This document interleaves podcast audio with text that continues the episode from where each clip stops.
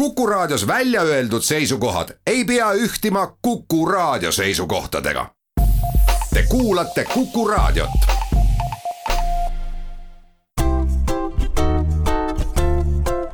patsiendiminutid, Patsiendiminutid toob teieni Eesti Patsientide Liit tere, hea Kuku kuulaja! olen Kadri Tammepuu ja tänases saates teeme me juttu tervise hoidmisest infot selles vallas on tohutult palju ja seda enam on teretulnud, kui keegi kirjutab ladusas emakeeles ühe asjatundliku kokkuvõtte. ühest taolisest, mis on mõeldud just kuldses eas inimestele, me nüüd juttu teemegi. hea meel on teisel pool kõnetraati tervitada meditsiini biokeemikut, Tartu Ülikooli professorit Mihkel Silmerit, tere Mihkel! tere, tere! No selgituseks kohe alguses siis nii palju ka, et meie ütleme ikka endiselt omavahel sina ja ikka, ikka. väga hää kui mõelda söömisele, siis see, et imik sööb veidi teisiti kui rassiv põllumees, on tõesti vist igaühele selge, aga vähem mõeldakse selle peale, et vanemas eas võib äh, ka olla vajadus toidusedelit veidi kohendada. ja põhjus, miks meie täna siis raadioeetris kõneleme, on see, et sina ja üks äh, teine toitumise ja ka liikumise ekspert Agli Pitsi Tervise Arengu Instituudis saite hiljuti valmis söömise ja liikumise soovitused eakamatele kuidas see raamatukese kirjutamise mõte täpsemalt sündis? Vot ma kõigepealt ütleks selle kohta nii-öelda üldist sellist tehnilist informatsiooni, et selle raamatu tellis Tervise Arengu Instituut, nii et raamat on siis Tervise Arengu Instituudi oma. muuseas, pange tähele, see on tasuta laiali jagamiseks. kõigil, kellel on huvi, saavad Tervise Arengu Instituudist seda raamatut. kui loomulikult ei jätku mingil hetkel, siis ta on ka nende koduleheküljel tasuta allalaadimiseks. Nüüd mul on ülimalt hea meel, et kui Tagli Pitsi, kes on selle raamatu valmimisel teinud ära väga suure töö, võttis minuga ühendust, ütles, et kuule Mihkel, et kirjutaks sellise raamatu söömise ja liikumise soovitused eakamatele. ma olin sellega koheselt päri, sellepärast et kuigi noh, ma olen omal ajal välja andnud raamatu, millest ma ei tea, mitu kordustrükki juba on normaalne söömine ka sealt võivad inimesed lugeda, aga oli väga mõttekas teha üks selline kompleksse informatsiooniga raamat ka eakamatele, noh, kui me võtame siis kuuskümmend viis pluss, kuigi ma kohe ütlen, kindlasti võivad seda lugeda ka märksa nooremad ja ka isegi väga noored inimesed, nii et kui teil on näiteks kodus laps või lapselaps, siis võtke see raamat lahti ja lehekülg neli kuni viis, kui ma ei eksi, on selline küsimustik, mille järgi te saate siis anda hinnangu oma söömisele ja vaadake sõltumata vanusest, siin on need, saate rohelise täpi või punase täpi. kui mis tahes vanuses teil neid punaseid täppe on rohkem kui rohelisi, siis teie söömine ei ole normaalne. ja just, et on selline kompleksne raamat, noh, eeskätt siis eakatele vajalike kasulike nõuannetega ja nota bene väga lihtsa tekstiga ja mis veel eriti oluline, väga toredate värviliste illustratsioonidega, kus on pildi pealt ka kohe selgelt näha, mis sellel leheküljel juttu on ja mis siin tähtis on. Minule ka jäi kohe seesama ankeet silma, see söömisharjumuste ankeet ja muide, justkui sellele ankeedi ära täitsid, siis tegelikult need punased täpikesed või ka isegi rohelised kutsusid kohe edasi lugema, et miks see või teine põhimõte võiks tähtis olla. ja, ja siis mul tuli veel see mõte, et need punktid võiksid olla hiljem nagu selline no nagu kui poodi minna, on ostunimekiri, et oluline söömise kohta püsiks silme ees. kuna te Tagliga mõlemad ju töötate ka õppejõududena, siis mulle tundus, et sellist kogenud pedagoogi kätt oli ka raamatu ülesehituses tunda no aitäh kiitmast, sa tead ju, et mina suudan olla objektiivne. ma võin öelda, et mul on selle raamatu üle erakordselt hea meel, sellepärast et see on kenas koostöös tekkinud ja mulle väga meeldib, et see on nüüd selline väga kompleksne raamat, noh, ta on mõeldud eakamatele eeskätt, aga ka teised, siit saavad inimesed väga täpselt selliseid mõistlikke asju vaadata, noh, ma võtan mõned näited, et näiteks kuidas oma tasakaalu parandada, milliseid harjutusi teha, siin on kohe pilt ja lihtsad harjutused, kuidas tasakaalu parandada või oma südame-veresoonkonna võimekust või lihaseid tugevdada. nüüd edasi, on mõned kriitilised eh, vitamiinid ja kriitilised makro- ja mikroelemendid, noh, selles mõttes kriitilised, et nendega tekib probleeme tänapäeval, võib tekkida, isegi kui olla normaalne sööja. noh, võtame näiteks tsink või seleen. Ja kui te võtate lehekülje lahti, kus on tsink, siis te näete kohe selgituse ja te näete ka toiduained. kui teil need on menüüs olemas, siis pange tähele, head sõbrad, te ei pea minema apteeki tsingipurki ostma, te ei pea apteeki minema seleeni ühendeid ostma kui teil neid ei ole, siis tekib küll mõnikord äh, arsti soovitusel vajadus seda teha. ehk väga hea on, kui visuaalselt inimene vaatab ka, ahah, vot mul on vaja ikkagi, et mul oleks korralik varustatus rauaga, tsingi ja seleeniga, ta viskab pilgu leheküljele, näeb, ahah, vot nende toituainete söömisel ma saan oma organismile toimivas koguses, kas siis seleeni või tsinki või rauda ja nii edasi, mõned asjad loomulikult omavahel kattuvad. või kui eakal on näiteks probleem, et tal on neelamisraskused, siis ta võib ka sellest raamatust saada lühikesed näpunäited, kuidas tegutseda ja, ja kuhu pöörduda. ja loomulikult on suurepärane, et raamatu lõpus on kümnepäevane menüü see on selline väga hästi läbimõeldud menüü, mille järgimisel te saate kõiki toitaineid õiges vahekorras piisavalt kätte ja korralikult. loomulikult ei pea te ainult selle menüü küljes olema, aga see hõlbustab väga palju, sellepärast et teie ei pea muretsema, et äkki midagi jääb kuidagi kusagilt puudu jah, need retseptid olid väga head ja lihtsad, äh, kuidas endale ise süüa teha. ja ma vaatasin, et äh, noh, hindasin, et selliste toitude valmistamisega oleks isegi minu vanaisa ilmselt toime tulnud, kui ta oleks juhtunud vanaemast kauem elama. aga kes need retseptid kokku pani? no retseptidega on selline asi, et äh, see oli juba suurem seltskond, kui me andsime välja raamatu Eesti riiklikud äh, toitumise ja liikumise soovitused, siis sai retseptidega tegeleda ja retseptid on noh, ma ütleks suurel määral väga kenasti Tagli pärusmaa ja noh, loomulikult ka mina vaatasin neid üle sellise sisulise pilguga, aga Tagli on nagu, nagu arvutuslikult asjad kõik väga kenasti läbi arvutanud ja, ja vaadanud, et asjad oleks loogilised ja õiged ja kõik oleks ka esindatud, kõik asjad.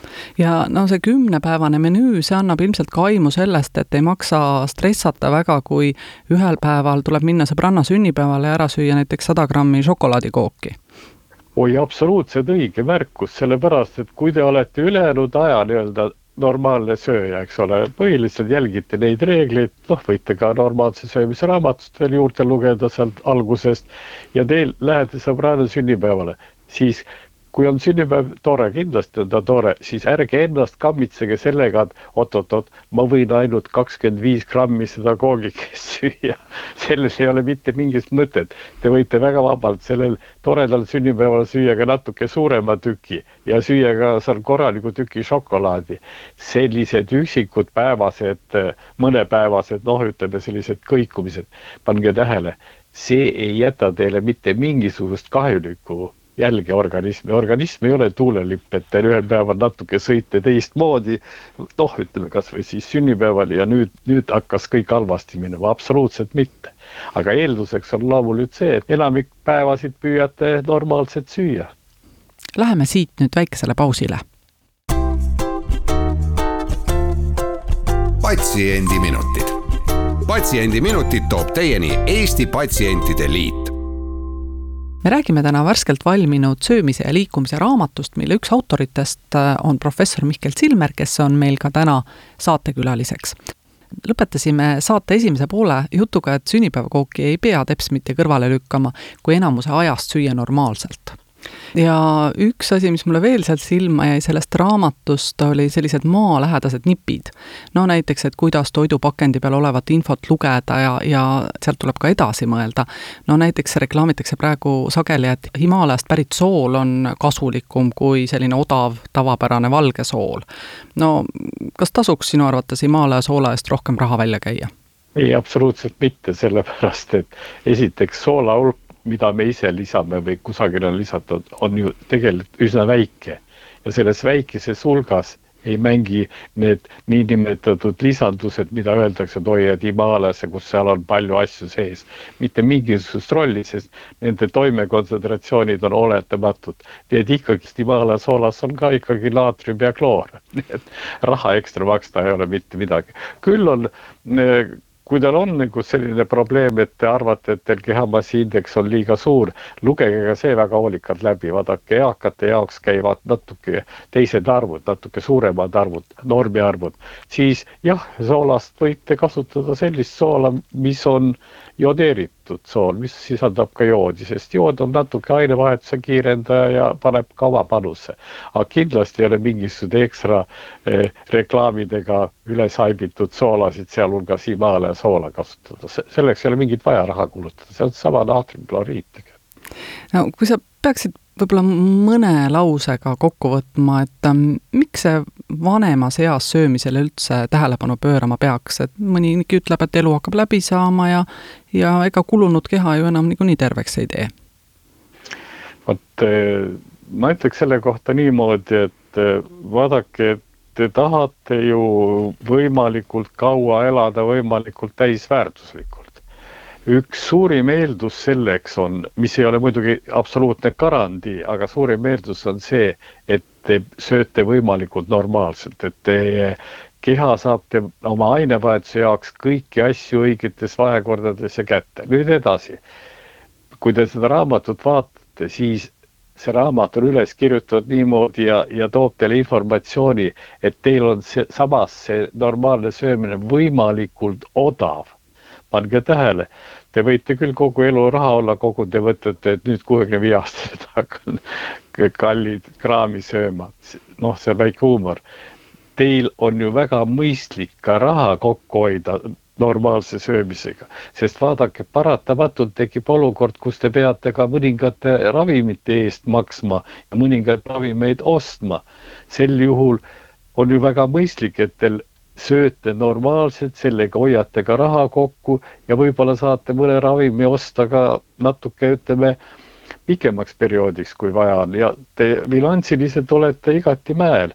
ma veel kord kordan, juhul kui te annate oma organismile parimad asjad, ma ei mõtle kallimad asjad, vaid parimad kompositsioonid, nii nagu siin raamatus on, siis te aitate organismil võidelda kõikvõimalike probleemidega sest ta teeb seda kogu aeg, ta teeb teie viimase hingetõmbeni, tegeleb teie organism sellega, et teie oleksite nii-öelda tasemel. mul on ülimalt hea meel, et kui, kui sellised eakamad inimesed need põhilised asjad loevad, vaatavad, te ei pea midagi pähe õppima, püüavad neid järgida, siis te võite ühest asjast olla jumala rahulik te olete söömise koha pealt teinud parima ja kui te olete söömise koha pealt teinud parima, siis noh, küll siis muu ka parimal viisil välja tuleb. no aga mida teha siis, kui kõht ei ole tühi? söögikorrad kipuvad siis väga tihti ununema ja kui elad üksi, et ei viitsi endale üksinda süüa teha, et äh, tohutut aega raisata seal pliidi taga, et miks äh, peaks ikkagi sööma regulaarselt ja noh, näiteks mitte üks kord päevas või, või üle päeva vot sellele ma vastaks nõndamoodi, et loomulikult nälg on see esimene tunde, et nüüd tuleb süüa, eks ole, aga päris nii nüüd ei tasu käituda, et, et sööte, siis ootate seni, kuni tuleb metsik nälg ja siis sööte järgmine kord. vaadake, pigem on mõistlik oma seedetraktile anda ka koormust, eriti eakamas eas, natuke väiksemate kogustega. see tähendab seda, et kui te sööte üks kord päevas ja teil on kõht üsna tühjaks läinud, siis kas te ise seda tunnete või mitte, te sööte kindlasti liigsuure koguse ühe korra kohta. noh, kuna te ei ole päevas varem söönud. kui te sööte normaalsed kogused, võib-olla isegi nõks väiksemad kogused hommikul, lõunal, õhtul ja vahele võib-olla võtate puu- ja köögivilja siis te ei koorma ka oma seedetrakti liialt, aga seedetrakti koormamine on jälle see, kui te suure koguse korraga sööte üks kord päevas ja pange tähele, te kasutate ka ravimeid, siis põhimõtteliselt päeva jooksul ei ole teil organismis optimaalset seisundit, et ravimit ka kahjutuks teha. nii et söömine peab olema ka selles mõttes kolm korda päevas, et söögiga te saate neid aineid, mis aitavad teie maksal ka ravimeid kahjutuks teha. kui te ükskord seda teete, siis ainult lühike periood on teil selline olukord, nii et selles mõttes ka paratamatult, kui inimesed ravimeid kasutavad teatud eas kindlasti, noh, üks rohkem, teine vähem, siis ka selline kolm söömist pluss siis väiksed vahepalad veel kord kordan, tekitavad olukorra, kus teil organismil on ka kõige parem tegutsemine ravimite kahjutuks tegemisel. Ehk ütleme siis lihtsalt maakeeles vähem kõrvaltoimeid, vähem probleeme sel juhul üks on siis see alakaalulisus, mis ilmselt ongi eakamatel isegi suurem probleem, aga teine äärmus on siis see, et eakas vaatab peeglisse ja talle tundub, et ta on ülekaaluline, et noh, selline nagu võib-olla osalt sellelt, selle tõttu, et selgroog on lühem või ta on kuidagi kössi vajunud kas äh, kehamassiindeks äh, vanemas eas peaks olema täpselt sama kui noortel inimestel? absoluutselt mitte, see on väga hea küsimus, ma eespool natuke ka selgitasin. vot selle kohta on selles raamatus ka omaette lõik, et vaadake, kui tavainimesel on see kusagil kaheksateist pool, kakskümmend viis peaks olema see kehamassiindeks, siis vaadake juba kuuskümmend viis pluss edasi on tegelikult ka kuni kakskümmend kaheksa tegelikult normaalne, nii et võib olla ka kakskümmend neli kuni kakskümmend kaheksa selles piiris. sellepärast, et organism ongi niimoodi üles ehitatud, et kui me saame eakamaks, eriti naisterahvastel, natuke suureneb ka rasva hulk, mis ongi normaalne tegelikult, nii et lugege hoolega läbi ja kehamassiindeks on eakatel normaalne indeks märksa kõrgem võib-olla üks probleem ka, mis eakatel on natuke teistmoodi kui noorematel inimestel, on needsamad proteesid, sa tõid välja siin ka ja, ja samas me näiteks teame, et pähklite söömiseks läheb vaja hambaid. mis siis teha, kui proteesid loksuvad võib-olla natukene, aga tahaks pähkleid süüa või, või teada, et pähklid on kasulikud? jah, ma usun, et äh, igalühel on kodus vähemalt mingisugune mikser olemas ja põhimõtteliselt võib osta need pähklid ja lasta selle mikseriga, noh, selline mikser, mis pähklid puruks lööb, noh, peaaegu mitte pulbriks, aga hästi peeneks. Ja panna see ilusti korralikult kaanetatud purki, panna külmkappi, isegi ei pruugi külmkappi, külmkappi panna. Ja sealt aeg-ajalt vajadusel siis mõne söögi juurde võtta kolm-neli lusikatäit. Nende väärtus jääb täpselt samamoodi alles ja teil ei ole füüsilist noh, närimise probleemi nendega, sest pähklid on tõesti tugevad jah, ja teine võimalus on püüda ikkagi normaalsetesse proteesidesse investeerida, sest äh, lihtsalt see aitab paremini süüa. jaa, kindlasti seda ja, ja noh, eks tänapäeval need proteesi asjad on niimoodi, et kui nad on korralikult ükskord väga normaalselt tehtud, siis nad peavad ka ikka pikka aega kenasti vastu.